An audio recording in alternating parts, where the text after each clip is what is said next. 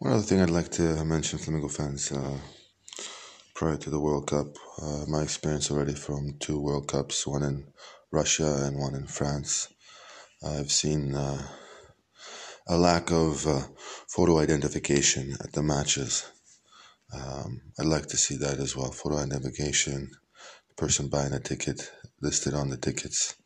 Um, also, many more uh, intelli- intellectual um, information because uh, what we'd like to do is create a peaceful atmosphere um, at the games. We don't want to have uh, some uh, unworthy messes at the game that uh, uh, the services in uh, um, power have problems with. So we'll have to address that. if you look at the Russian World Cup, it was very well prepared in terms of the the student approach. It was very well done.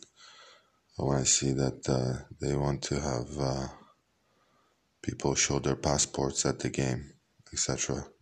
But uh, what we would like to do is to make it uh, like a season pass kind of passport card, stuff like that. So we have uh, good border security on all levels as well.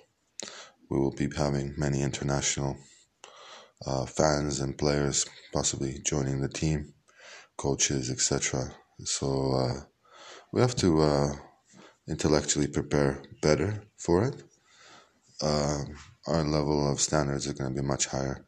We want to make sure that uh, we are promoting peace and not just uh, some some you know uh, show without where you just buy the ticket and you get in and you can be you can be um, whoever you want to be. It, it's not like that. It has to be something with uh, some uh, student intellectual well-being approach. So uh, from that aspect, we'll, we'll, we'll talk about that in the opening games as well. We'll work on that.